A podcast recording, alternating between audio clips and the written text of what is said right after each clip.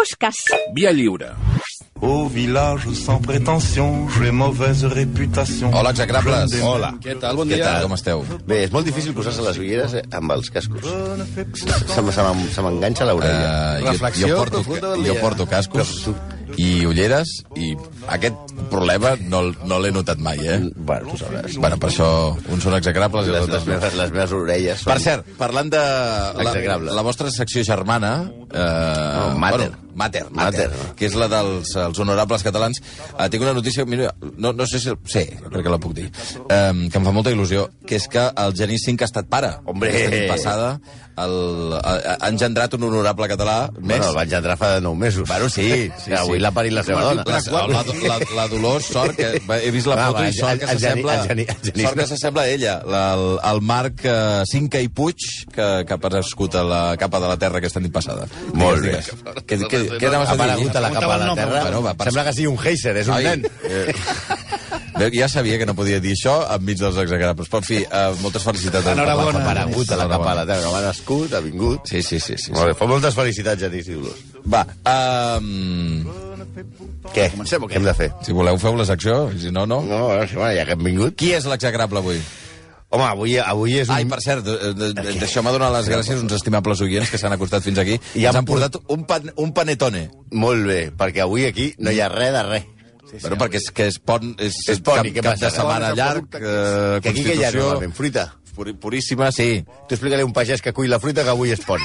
No? Veritat que ha de collir la fruita? Bueno, escolta'm, hi ha comerços tancats, eh, no acaba d'anar tot. Conversos no, i està aquí, el bar, el bar de sota està obert. El bar de Manat ja? El bar ja ha anat. Va, qui és l'execrable? Bueno, avui parlarem d'Orson Welles. Ui. Mita. Hosti. Mita absolut del Pes cinema. passat. Ui, ui, sí, ui, ui. pes passant del cinema. Sí, sí, sí, sí. Perquè estava bastant... O sigui, perquè per ser, pes passant per ser eufemístics, perquè va arribar a passar 180 quilos. Sí, sí, un, Sí? Sí, un gordo amb Ai, barba i que fuma puros. però- I no és el Malcolm. És? No, Sou no. terribles, eh? És un, home, una persona que, com sabeu, i si no us ho explicarem ara, va revolucionar el cinema i la ràdio, una veritable estrella de la comunicació, més que nosaltres, fins i tot, eh?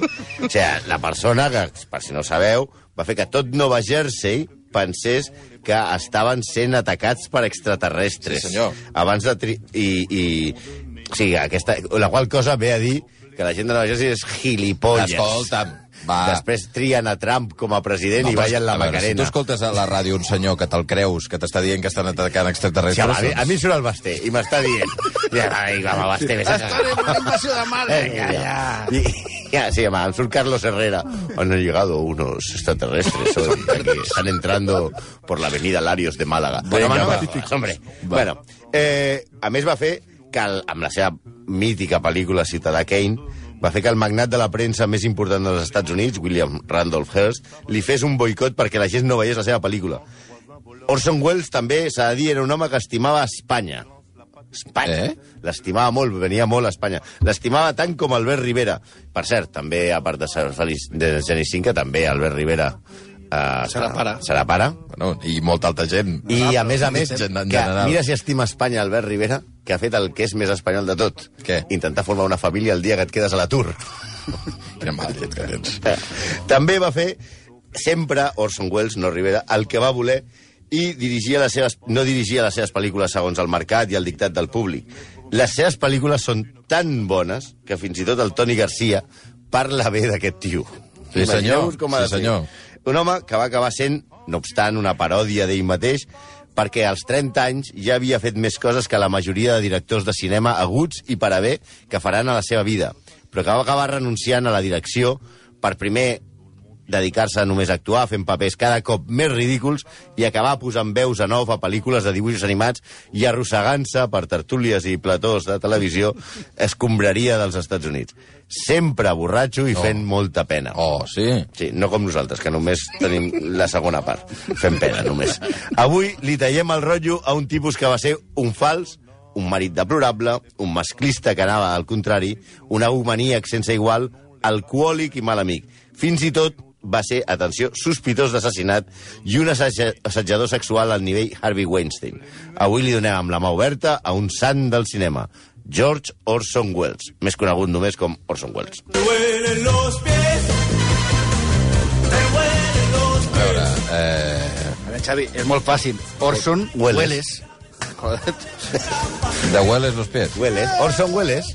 Orson Welles. Jo, més, més deplorable que això que acabes de fer, Oh, que ara, acabes de ara, fer, espera, sí, avui sí, mateix, sí, avui sí, mateix no- baixarem més baix. Baixarem més. Tot i que no consta que George Orson fes mal olor, eh?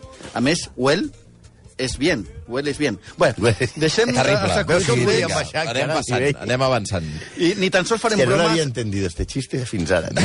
Ja, ja, ja. ja. Quan me'l vas enviar deia, jo no tinc ni puta idea que està dient, aquest tio. Ni, ni tan sols farem bromes amb Orson Welles. Sí que les farem. Sí que significa osset, que li va perfecte. Bueno, vinga. De fet, el seu pare, Richard Head Wells, li va posar Orson com a primer nom perquè va dir que tots els desgraciats que pugen les maletes als autocars es diuen George. Un tipus curiós, el seu pare, que es va fer ric inventant la bossa d'estris de cuina de l'exèrcit dels Estats Units. Eh? Primera dada absurda Sí, del quan li dia. donaven als soldats, Això hi havia com una mena de neceser, Sí. en el que hi havia la cullera, el La garí... Sí, sí, Això, això, ho va inventar el el pare d'Orson Welles. I es va fer absurda? Sí, sí, sí, totalment verídic. Home, això no, no arribaria mai a inventar Bueno, ric, ric no sé si es va fer, potser es va fer una mica. Home, no, però imagina't els que, els que van comprar l'exèrcit dels Estats Units. Home, són molta Home, gent, si ho fas eh? per l'exèrcit d'Andorra et mores de gana, però per l'exèrcit dels Estats Units, hòstia, pues, realment hi ha molta gent allà. Però anem pel personatge. A la investigació per aquest eh, execrable, eh, s'ha de dir que també eh, hi ha una part que també tenia una mare, òbviament, Bueno. que era pianista. Bueno, hi ha una part que, evidentment, tenia mare, no? Orson la, Welles, sí. la mare va Una morir, estoneta, eh? la mare va morir quan tenia 6 anys. Hosti, pobre. No la mare, ell. No, eh? La mare, sí, que va morir quan Ell Orson tenia sis tenia anys. 6 Ah, sí? No, clar, quan la mare tenia sis clar, anys vale. no, és evident, és I el seu evident, pare, ja quan va tenir 15. Per tant, eh, ell eh, es va quedar orfe i, Amb 15 anys ja era i va quedar al, al càrrec de diversos familiars. I, tot i que era molt intel·ligent, no li molava massa estudiar i aleshores es va dedicar, tenia moltes dots per l'espectacle Sí. i entra en el món del teatre.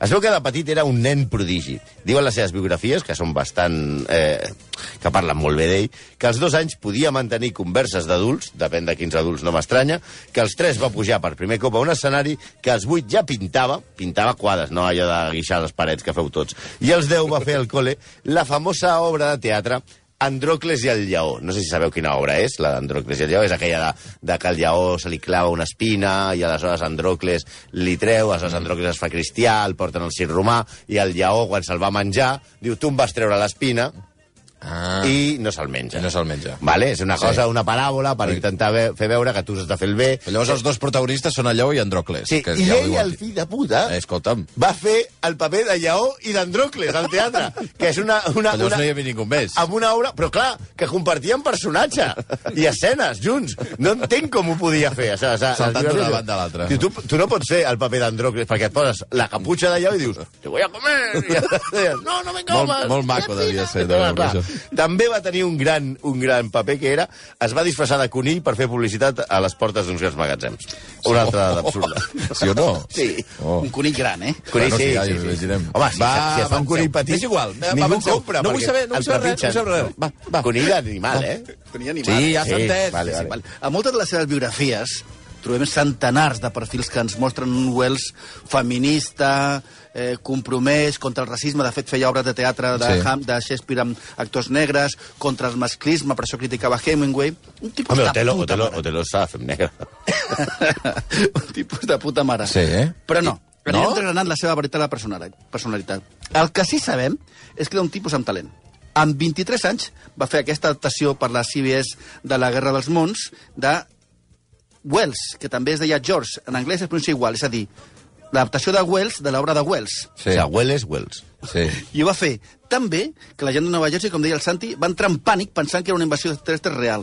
Va haver de demanar disculpes l'endemà pel caos que havia creat. Bueno, perquè entre altres coses van dir que era mentida, no? No, no van avisar. no, No, no, no, estan entrant els extraterrestres. Hòstia, perdó, és mentida. No, no, no, no, no, no. I de- després ens estranyem de que votin Ronald Reagan, aquesta gent. Sí, d'aquell èxit va passar a dirigir, i això amb 23 anys, eh? O sigui, al tanto, tu quants anys tens, Piltrafa? No, jo ja, ja passo. Més de ja, 23. ja. Més de 23, sí, uns quants. D'aquell èxit va passar a dirigir Ciutadà Kane. Mm. Bueno, no és ben bé cert. Com que no? Perquè abans... Que Que fins el i tot... ciutadà Kane és d'Orson Welles, què vols Bueno, dir? ja veurem això. Ja, ja veurem, això. Abans havia fet una altra pel·lícula que sabia que ell, ell va dir que s'havia cremat a Madrid, però que es va trobar a Itàlia fa uns anys, i no la va estrenar en la vida perquè no devia estar molt contenta d'ell, que es deia Too Much Johnson. Too Much Johnson? Sí, i estava i, inacabada. La, la qüestió de no deixar, de, de deixar les coses a mig fer és molt d'Orson Welles. Però seguim amb Ciutadà Kane. El guió el va escriure des del principi Herman Mankiewicz. Era un geni del guió, borratxo, jugador i germà de Joseph Leo Mankiewicz, que era un altre geni Sí. director de cinema. I Wells va fer alguns canvis. Ah, o sigui, no el va... No, Aquí està no, que el guió... El guió no era seu. I tu quan dius Ciutadà Kane de qui és? Tothom diu Orson Orson, Welles, pues, sí, sí. és de Mankiewicz. I també de John Houseman.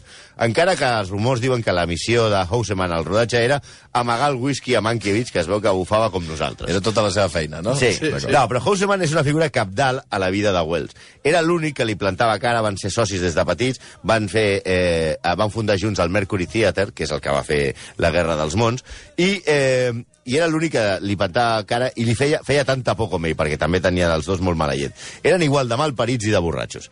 La seva relació va acabar-se quan Wells li va llançar un dia, durant un rodatge, una antorxa de cap de, uh, encesa pel cap. Una torxa encesa? Una torxa encesa pel cap. Sí. Hosti. és a dir, potser, bueno... potser és normal que s'emprenyin, no? Sí. Però, ojo, que aquí arriba, arriba el, el veritable osset. Wells va demanar ser l'únic que, que figurés als crèdits. Per això tothom diu Ah, que la guerra amb que Ciutadà de, Kane és seva. amb l'excusa de que estava començant i que així guanyaria més diners. Ah, es va fer el, el, Sí. la víctima, diguem. Es va demanar que no signessin. Hausman va accedir i Mankiewicz es va negar en rodó. Va dir, però si jo he- l'he escrit jo, per l'amor de Déu. Al final van signar a mitges i sempre sortirà això de co-guionista. Van guanyar, per cert, un Òscar a mitges per aquest guió.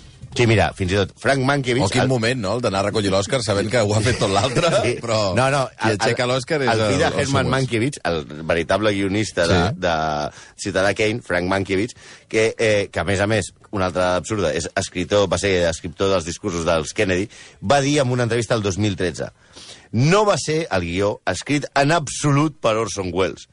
Recorda que Wells va pregar al seu pare que el posés com coautor perquè Wells així podia rebre el seu salari complet de la pel·lícula si posava el crèdit d'escriptura. Però és que, a més a més, ell havia actuava, produïa i la dirigia. Home, s'ha de tenir morro perquè a sobre dir, ostres, el guió també ha de ser meu.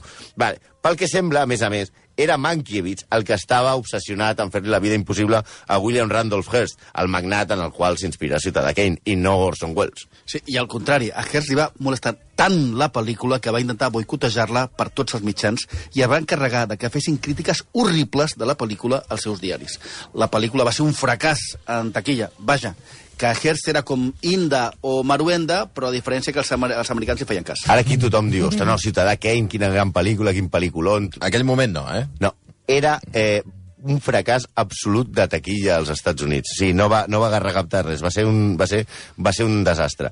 Però ell pensava que havia sigut un èxit a Europa, especialment a París, que era la, la, la seu de la cultura eh, mundial. Mm. Quan ell viatja a París i veu que ningú el coneix, ni el reconeix, ni saben qui és, li entra la paranoia i comença a divulgar que tot és culpa de Jean-Paul Sartre.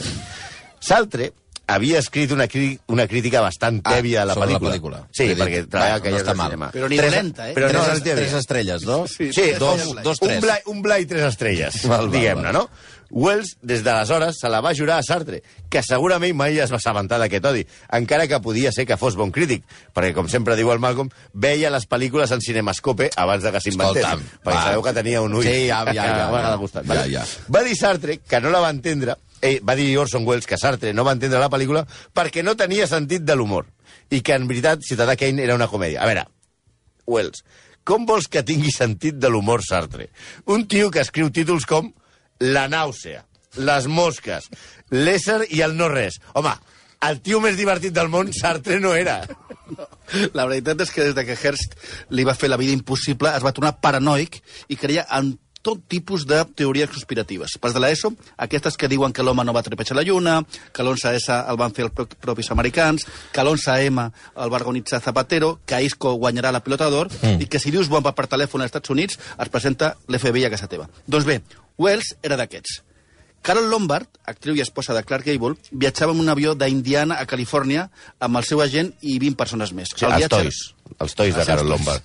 El, el viatge era per recaptar fons per la Segona Guerra Mundial. Els Estats Units acaba d'entrar.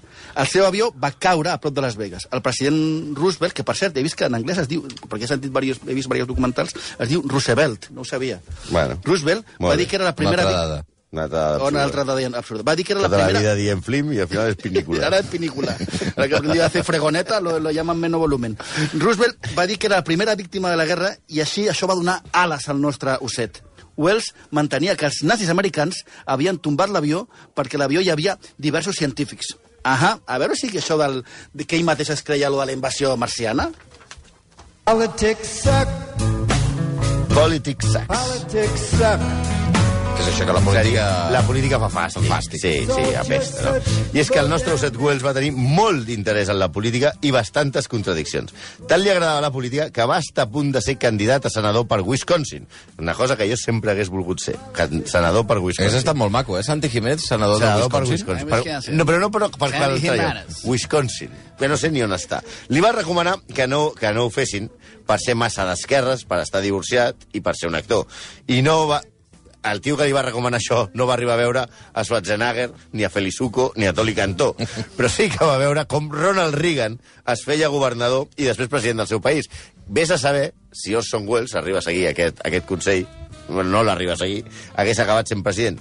Dada curiosa, el que finalment va ser senador per Wisconsin, que no va ser Orson Welles ni jo, va ser Joseph McCarthy, el de la Casa de Bruixes. Sí, senyor. Si s'hagués presentat i hagués guanyat, ara Elia Kazan no seria recordat com una rata de claveguera. Clar, clar que tot això és molt condicional. Si jo hagués encertat una travessa, quan donaven diners les travesses, m'hagués posat un tirador de voldam a l'habitació. Mm. I al saló. I al quarto de bany. I al passadís. I, i al rebedor. Va estar sempre en contra dels que denunciaven els seus companys per no perdre les seves piscines. A la Ha casa arribat de la fruita. Sí, ha arribat la ara. fruita, eh? 10 i 54, què passa? Ja, ja, por fin llegó la cosecha. Ara. T'han sentit, sentit. Què passa amb les piscines? Què has dit de les piscines? No, que ell estava en contra de que, de que els seus companys denunciessin els, el, a, a La cacera de bruixes. A la casa de bruixes per, per defensar i per no perdre les seves Sí, piscines. era la Ah, frase perquè- d'Orson Welles que va dir. que volien era- "A- era els protegir les seves piscines." Els que eren un, un, un, un, un, uns, uns, uns delators eren per no perdre la seva piscina. Mm-hmm. Però amb les piscines tenia un, parent, un parèntesis. Ell tenia una gran piscina a la seva casa de Hollywood Sí. i ell feia festes a la seva piscina. Ahà. I la gent es banyava a la piscina, que és quan vas a casa d'Orson Welles et banyes Bueno, a la piscina. ja és això, I no? què feia la gent a la piscina d'Orson Welles? Què? Es pixava. I això a ell li posava de molt mala hòstia. Per què? Perquè el tio deia, hòstia, aquí no ve la gent i es pixa. Ell Però sospitava. com ho sabia? Ell? Ell ho sospitava. Aleshores, el que va, es va assabentar...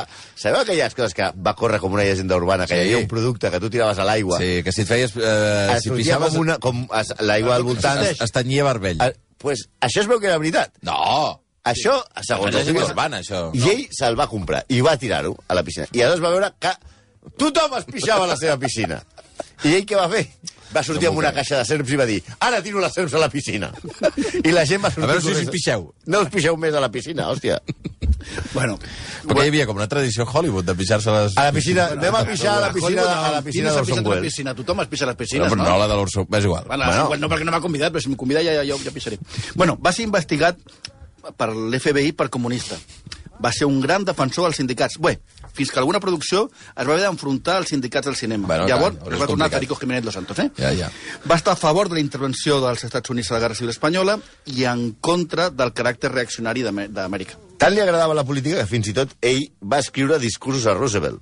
Wells presumia que les frases més famoses de Roosevelt les havia escrit ell i que li deia i que eh, Roosevelt li devia la seva presidència. Ah, o sigui que realment va guanyar les eleccions ell. Clar, ell Amb les seves i- paraules. Eh, fins i tot va arribar a donar discurs, va, donava discursos en nom de Roosevelt, en viu, per tota Amèrica, per la ràdio. Dius, ara parlarà el president. Parla, com, no, com allò de que vas a recollir l'Òscar, recogen su nombre, Sí. Orson Welles. Ell, en una ocasió, fins i tot es va posar malalt, Welles, i va escriure al president, benvolgut senyor president, aquesta malaltia és la pitjor de les desgràcies per a mi, perquè em roba uns dies de campanya a favor seu. És a dir, era una mena de Pedro J. d'Aznar. I amb les dones. Ell era el grassonet, el grassonet lligon. Babós. Va, va ser amant de moltíssimes actrius, de veritat, com Judy Garland. Segons ell, fins i tot de Marilyn Monroe. Tot és possible. El que és segur és que va ser parella de l'actriu mexicana Dolores del Río.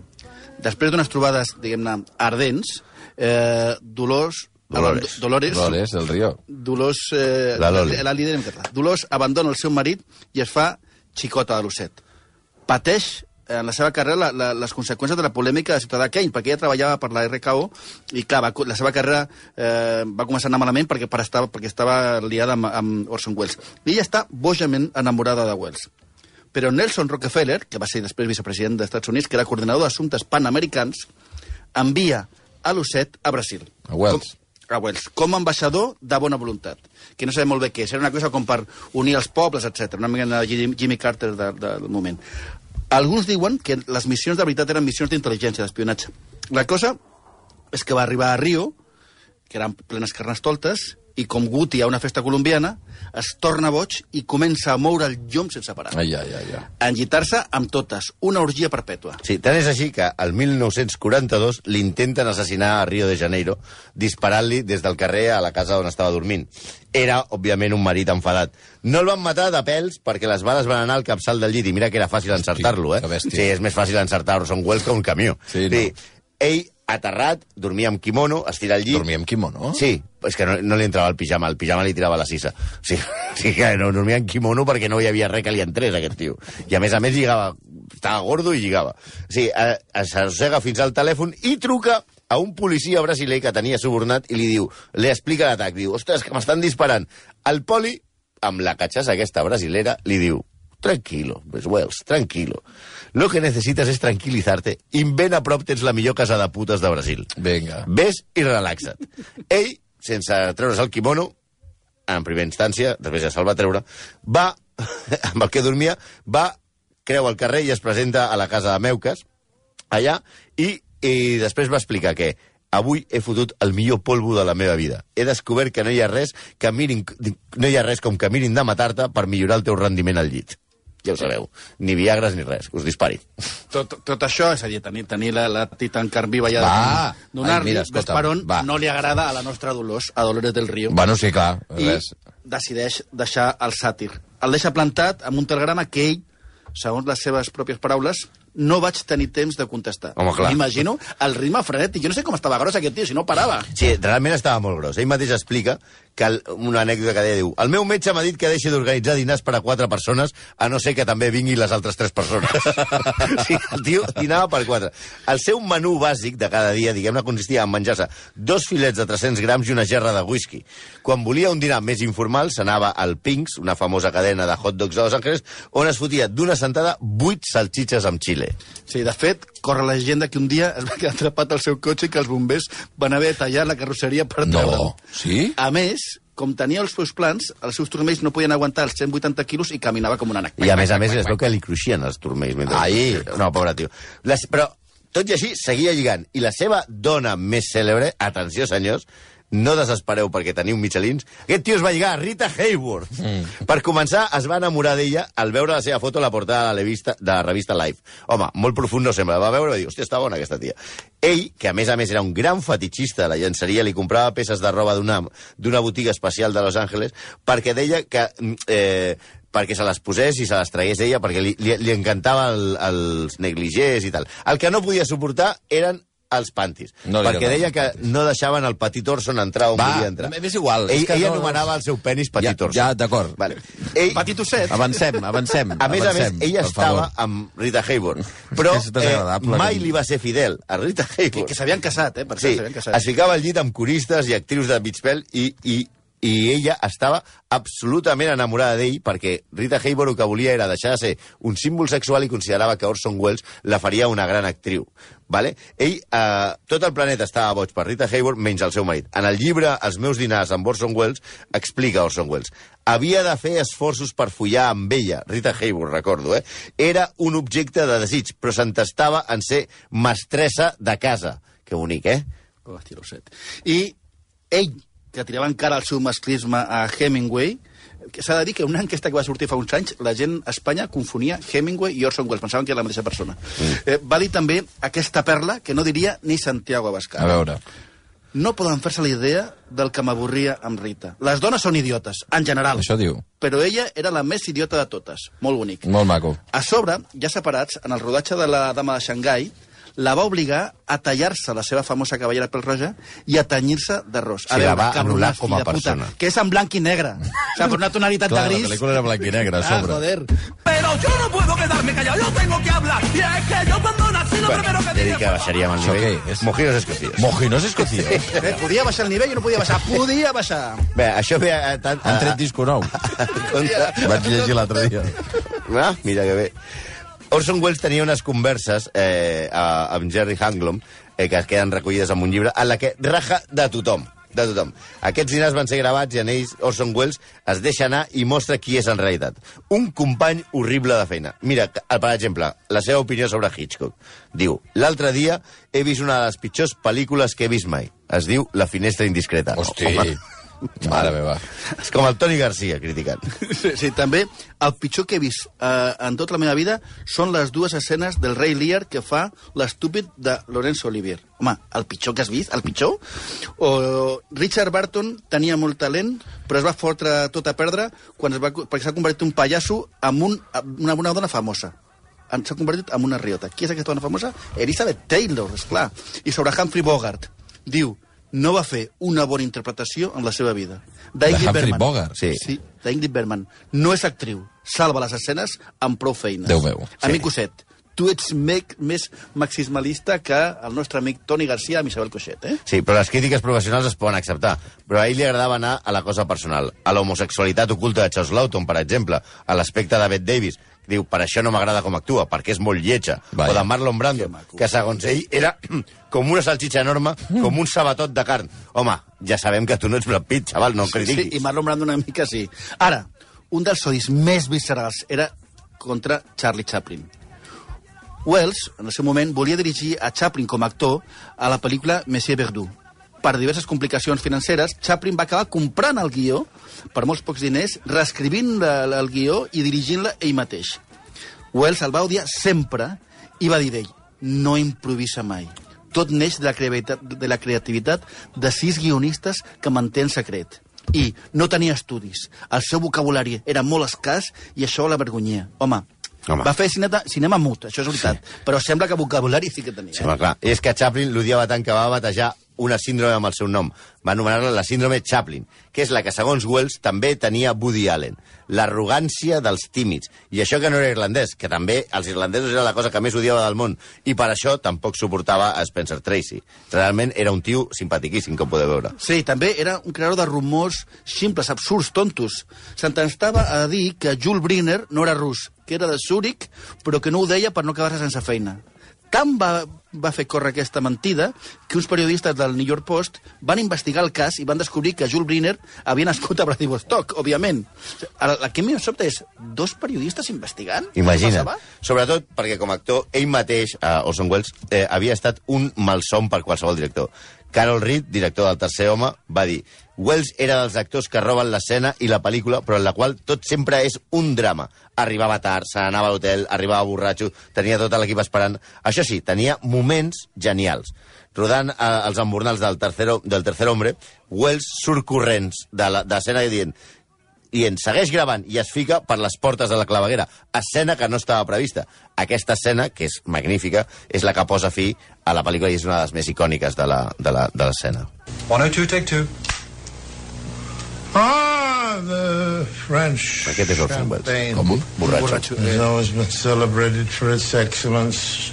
Sí, no, no, There's que- a California. és un vídeo a. YouTube que són les preses falses de Wells, borratxo perdut, Sí o no? Rodant. intentant promocionar un xampany. Sí, feia, I quan això feien... es pot veure a YouTube? Sí, sí, Sí, poseu- poseu, només poseu Orson Welles Drunk i, i surten centenars de vídeos. Et sortirà el primer aquest. Al final del vídeo surt el vídeo ja, la, la versió final, òbviament està doblada, doblada per ell mateix. Un altre dia, s'entén. Eh, però, però ja, o sigui, és un, vídeo que es veu un tio borratxo, ja com... I a més a més està promocionant una marca de xampany, Sí, no? això té sentit, com a mínim és 40. El eh, és és que, boníssim. com ja dèiem, Santi! al final de la seva vida va ser una paròdia d'ell mateix, no? Ell va lluitar molt per intentar tornar al cinema i, per exemple, va, va intentar i va intentar convèncer Coppola perquè el contractés per fer de Vito Corleone El Padrino. Ell va declarar, hagués donat la meva ànima per aquest personatge. I va estar a punt de ser curts a Apocalypse Now. Lucas, George Lucas, el va descartar per doblar Darth Vader a Star Wars i va acabar fent veus a nou fa anuncis de vi, com els que veiem.